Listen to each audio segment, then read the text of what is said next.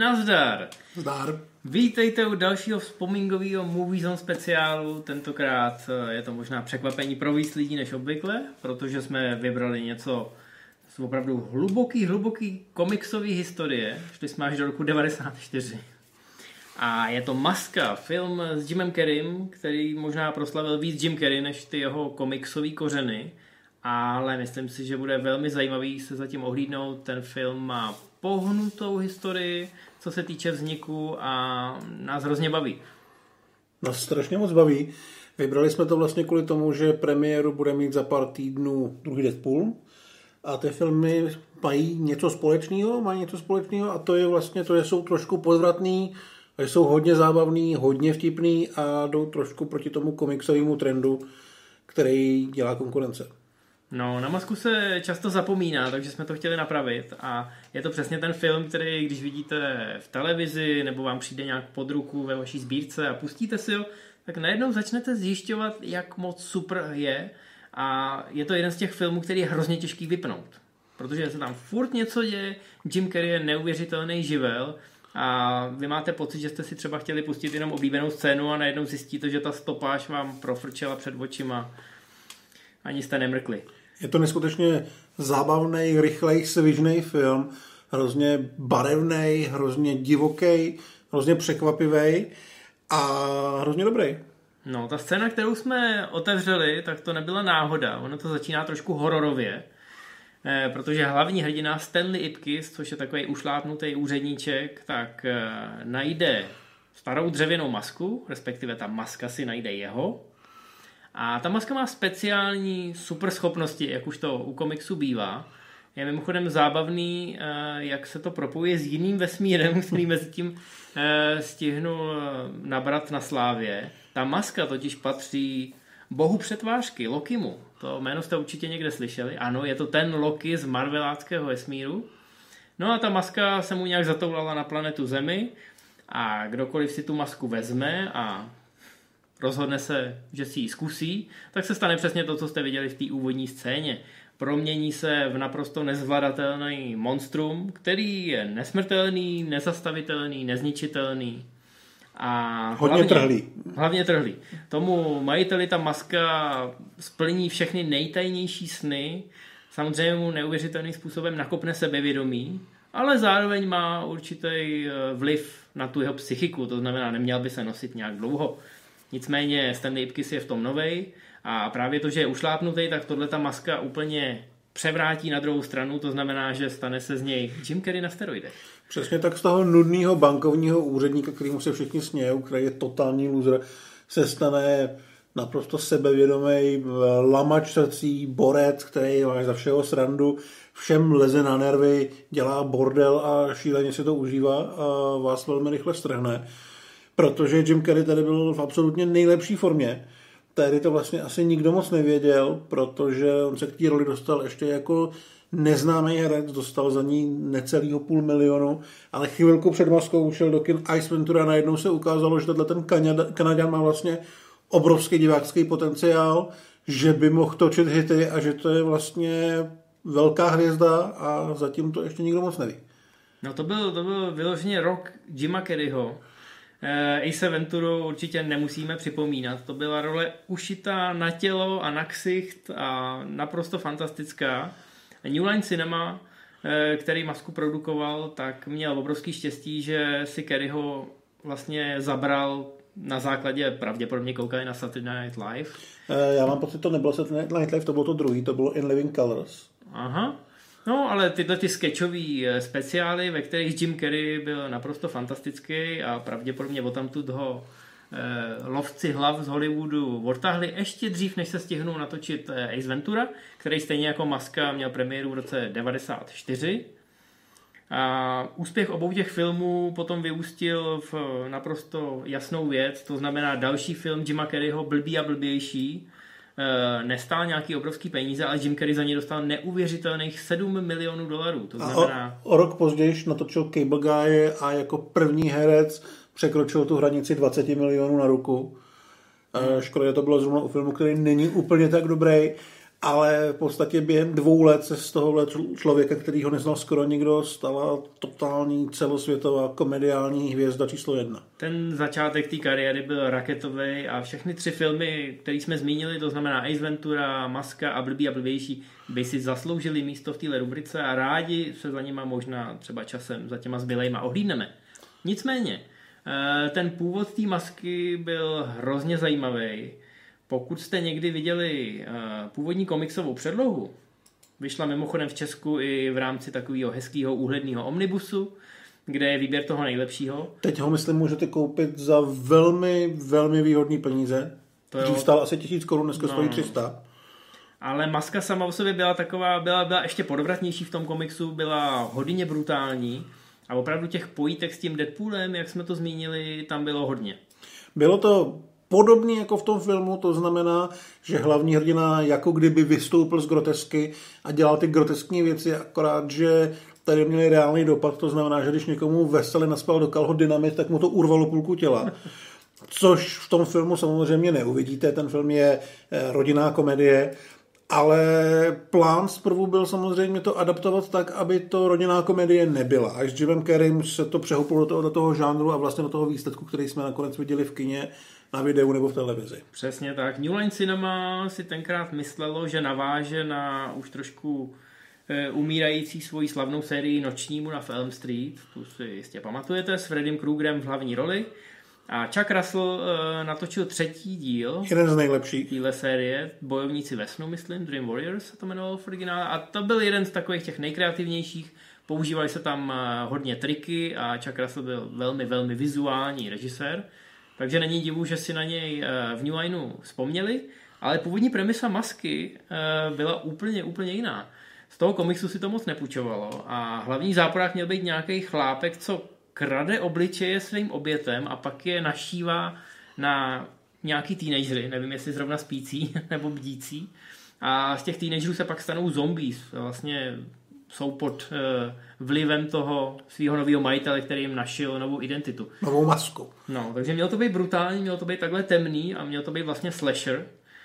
Nicméně, jakmile se k tomu dostal Chuck Russell, tak řekl ne. Tak řekl, že ne, že by si radši natočil něco odlehčenějšího, No a potom sehnali toho Kerryho a tím se to totálně otočilo o 180 stupňů a začala se z toho dělat tak trošku romantická komedie, protože hlavní, eh, řekněme, nějaký vodítko a to, ten motiv toho Stanleyho Epkise, toho ušlápnutého úředníčka, proč tu masku znova a znova eh, si dává na sebe? Protože chce okouzlit mladou, krásnou, blondiatou Cameron Diaz, která jednoho dne přijde do jeho banky jako zákaznice, ale samozřejmě to je ženská, která letí na úplně jiný typ chlapů. No jenže právě s tou maskou eh, se, se Stanleyho ten týpek může stát. Je to trošku podobný zamilovanému profesorovi, kdy tam taky, že jo, ušlápnutý, obtloustlej Eddie Murphy se může proměnit eh, v elegána hubenýho, ale má to svoji daň, tak eh, ta kostra toho příběhu a to poselství morální je velmi podobný, ale samozřejmě tady eh, Tady se každý těší na to, až se Stanley do té masky promění, protože v tu chvíli té masce o tu Cameron Diaz vůbec nejde. Té masce jde o to udělat nějaký chaos, užít si srandu, proměnit eh, ten film v jednu velkou party a to se myslím docela daří. Eh, Chuck Russell vlastně v studiu rychle pochopil, že tady musí dát hodně prostoru Kerimu a že to je vlastně jejich výhoda, že mají takhle živelného herce k dispozici. A on to totálně využil, v tom filmu se hodně improvizuje, co se týče dialogů.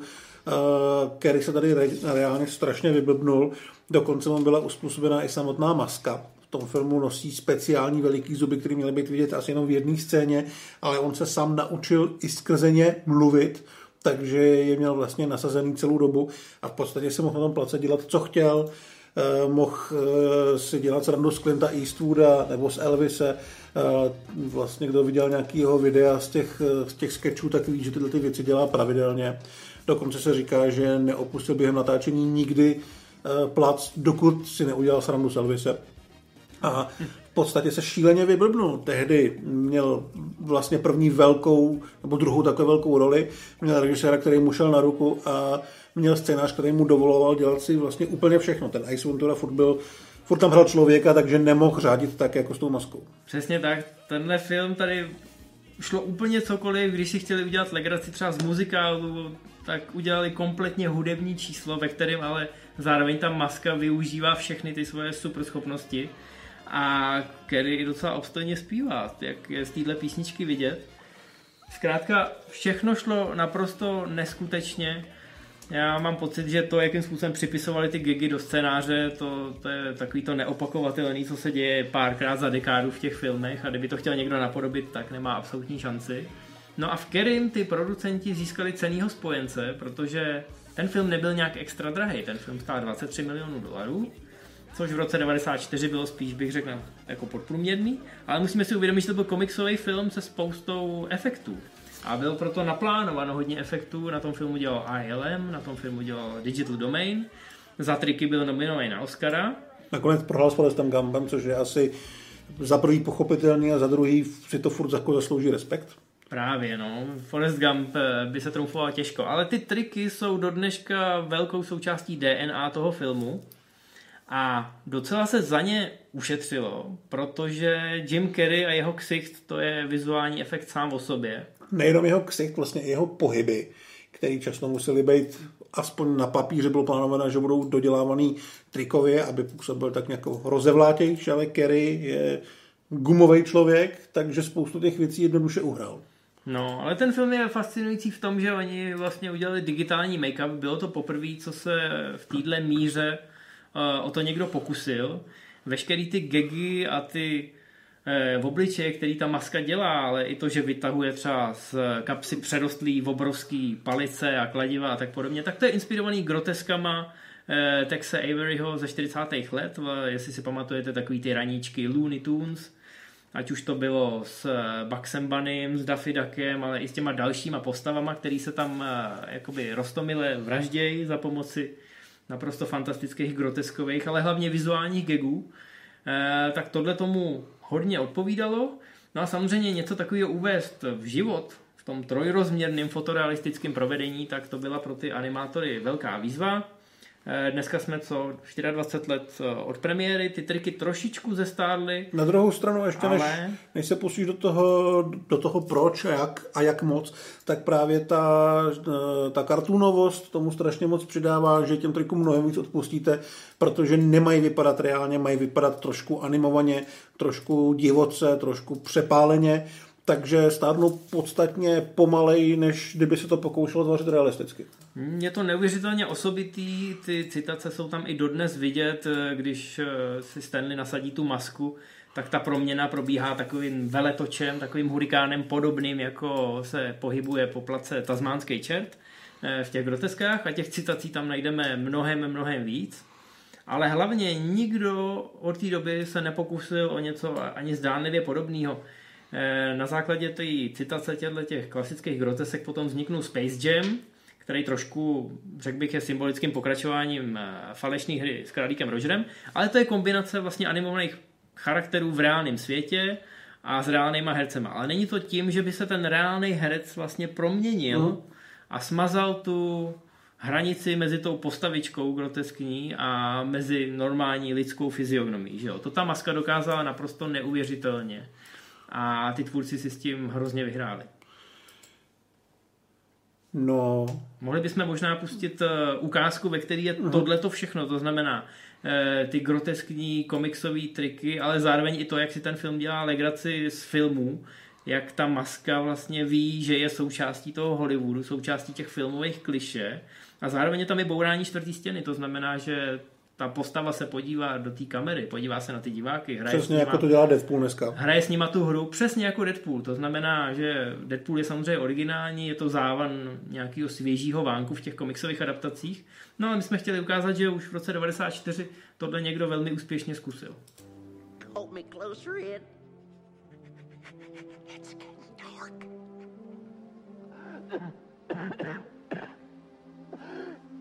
Delaney M. DeLittle yell her out. Tell Tiny Tim I won't be coming home this Christmas. Tell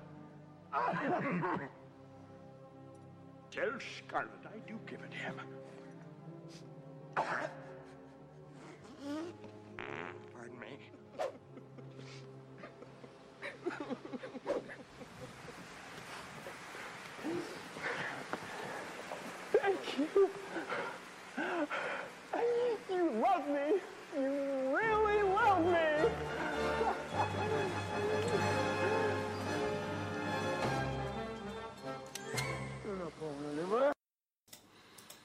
No nedali byste mu to, abych mu to dal z pleku.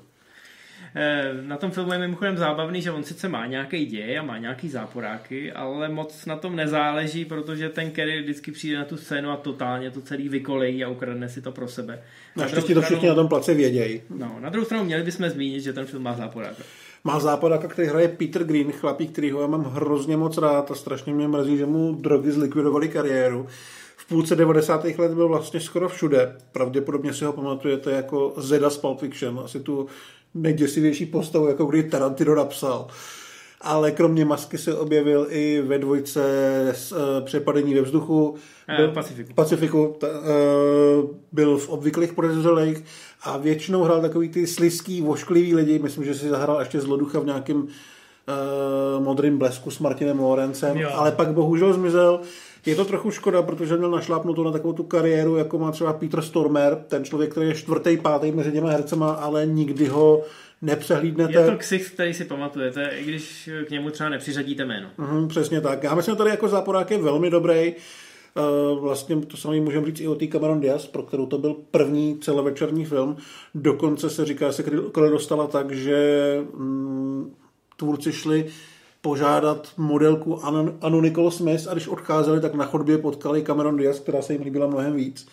Bohužel to nebyla úplně láska na první pohled, takže musela projít 12 kolik castingu a tu roli dostal až týden před, před začátkem natáčení ale podle mě je úplně boží. Jo, je boží. Ona teda uh, upřímně v tom filmu nemá moc co dělat, uh, co se týče té tý role. Tam má být hezká velká. Má být hezká a sexy, což se jí daří už v první scéně, kde má úplně úžasný červený šaty a toho Stanleyho jednoduše ohromí a myslím si, že s ním i zbytek publika. Ale podle mě přesně takhle to je v těch animovaných seriálech, hmm. animovaných groteskách. Jo. Hraje vlastně stejnou postavu, jako byla uh, ve falešní hře králíka Rogera Kathleen Turner kreslená. Jasně. Jo, má to být ten absolutní objekt nějaký touhy a to funguje dokonale.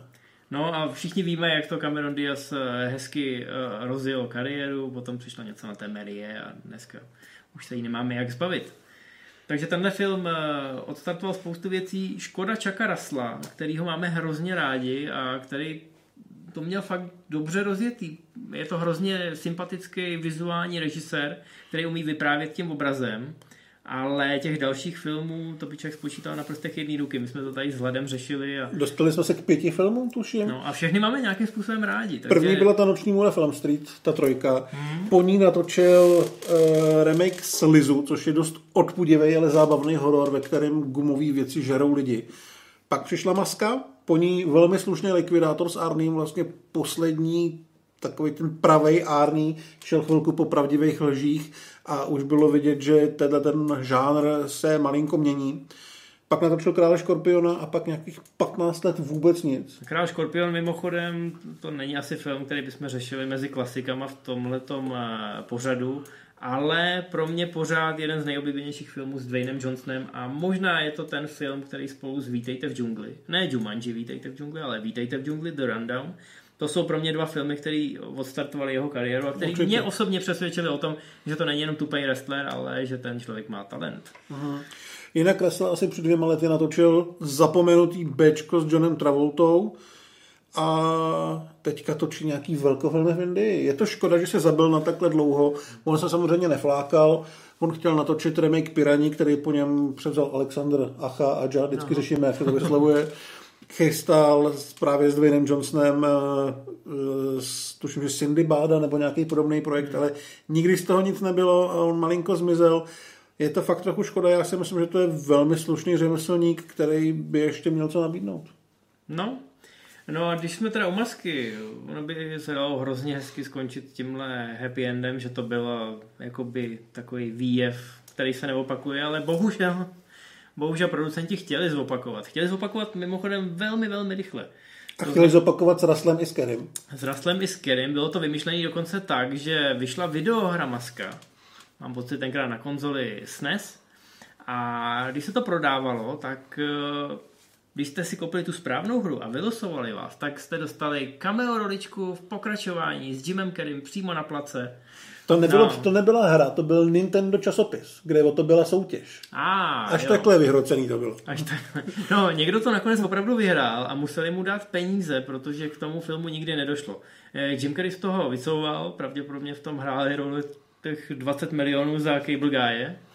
A ten projekt se rozpadnul a dlouho, dlouho se nad tím zavřela voda, až v roce 2005 někoho napadlo, že teda natočí pokračování a Bohužel. protože, protože děti jsou oblíbený, že jo, tak to bude o dítěti, který eh, se dostane na svět tak, že ta hlavní postava, tu teď hraje Jamie Kennedy, tak ta má sex eh, s nějakou ženskou tam a má ten sex v době, kdy má tu masku na sobě. To znamená, že to dítě zdědí veškerý ty superschopnosti a může dělat všechen ten bordel uh, i bez té masky.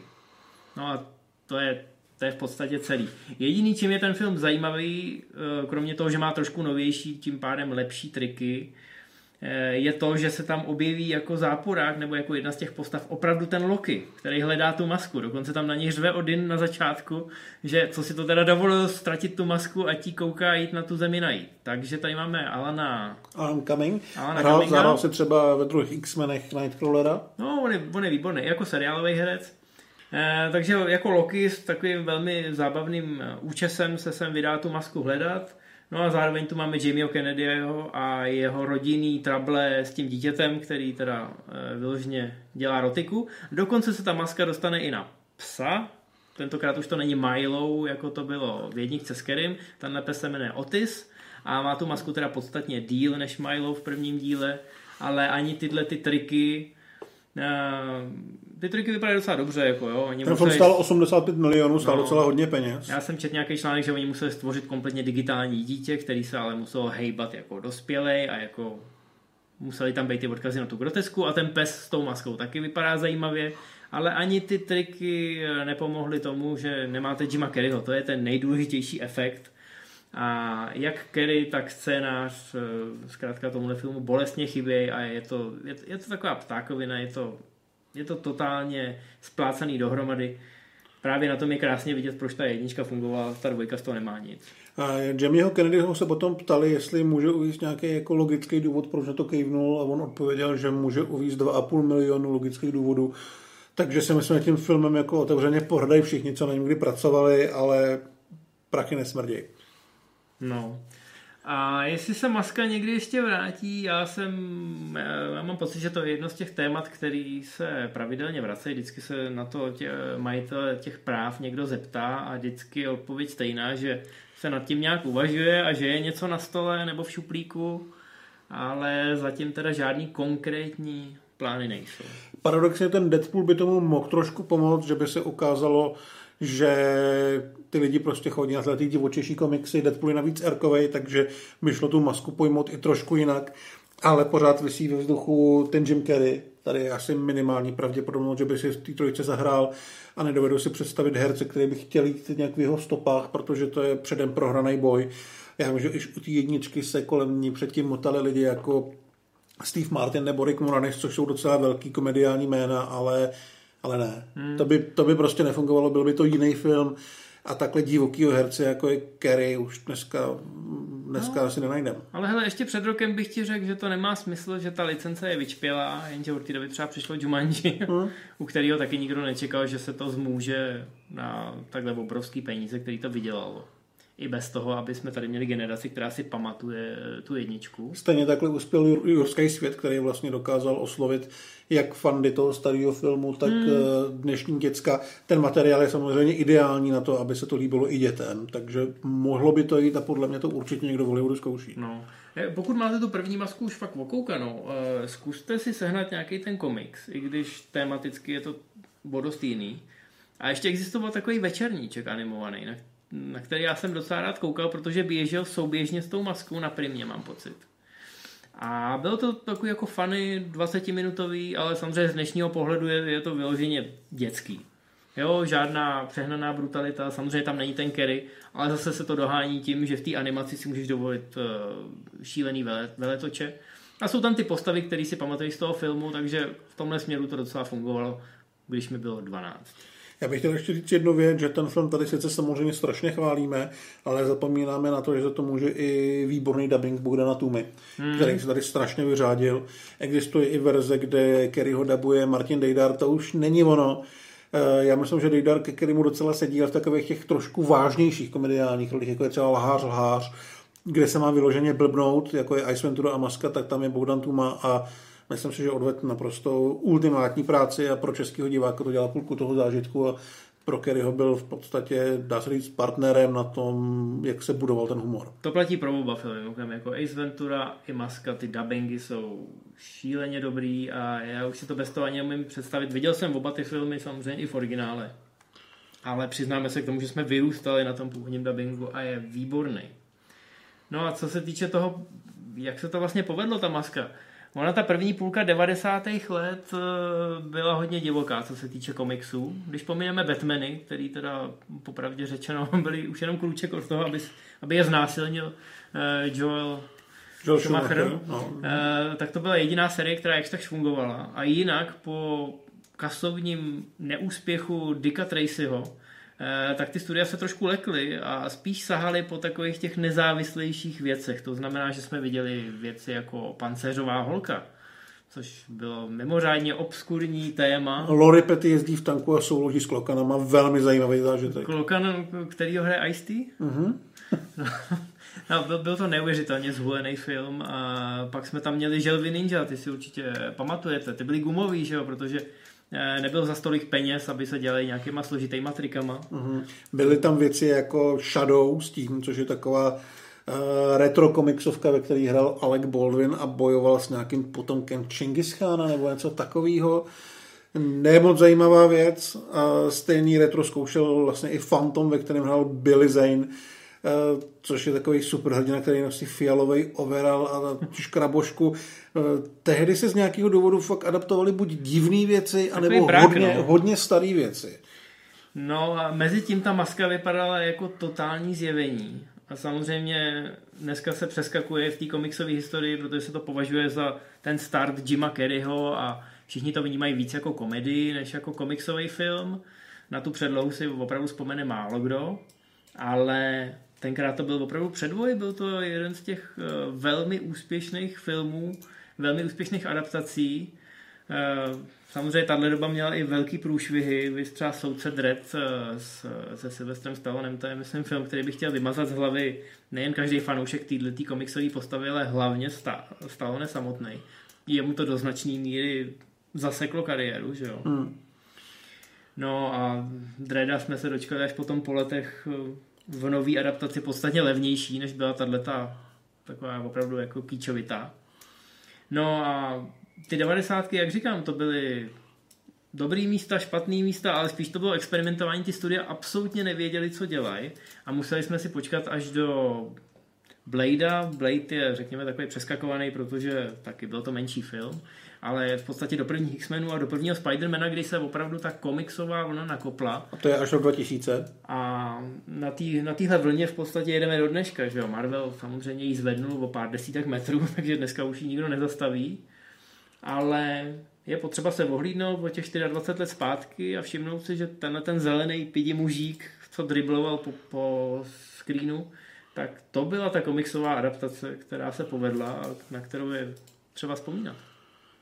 Takže si masku dejte, budete se bavit minimálně stejně jako my před čtvrtstoletím? No a bez ohledu na to, jestli ji budete vnímat jako komiks, jako komedii nebo jako pomník tomu, co Jima Carreyho udělal tou největší megahvězdou půlky 90. let, minimálně v komediálním žánru, tak fakt si to puste, puste si to od začátku, od půlky. V originále nebo v dubbingu. Garantujeme vám, že to dokoukáte, že budete mít tak široký úsměv na tváři, jako má ten hlavní hrdina. No, tak to byla maska. Já mám pocit, že tentokrát jsme překvapili opravdu dost lidí. Nechte se překvapit, co přineseme příště. My chceme taky právě bloudit po těchto opomíjených eh, zákoutích eh, různých žánrů, ať už je to v 80. v 90. možná zabloudíme i do něčeho novějšího. Takže se nechte překvapit, nechte se překvapit, koho tady příště uvidíte, protože jak jste mohli možná vidět ve starších vydáních, tak někdy jsme tu tři, někdy jsme tu dva. A vzhledem k tomu, že se vám to líbí a že nám poskytujete cenou odezvu, eh, tak jsme se samozřejmě rozhodli, že v tomhle vzpomínání budeme moc rádi pokračovat a těšíme se na další vydání. Vy se taky těšte a nechte se překvapit, s čím přijdem. Mějte se zdar. Ahoj.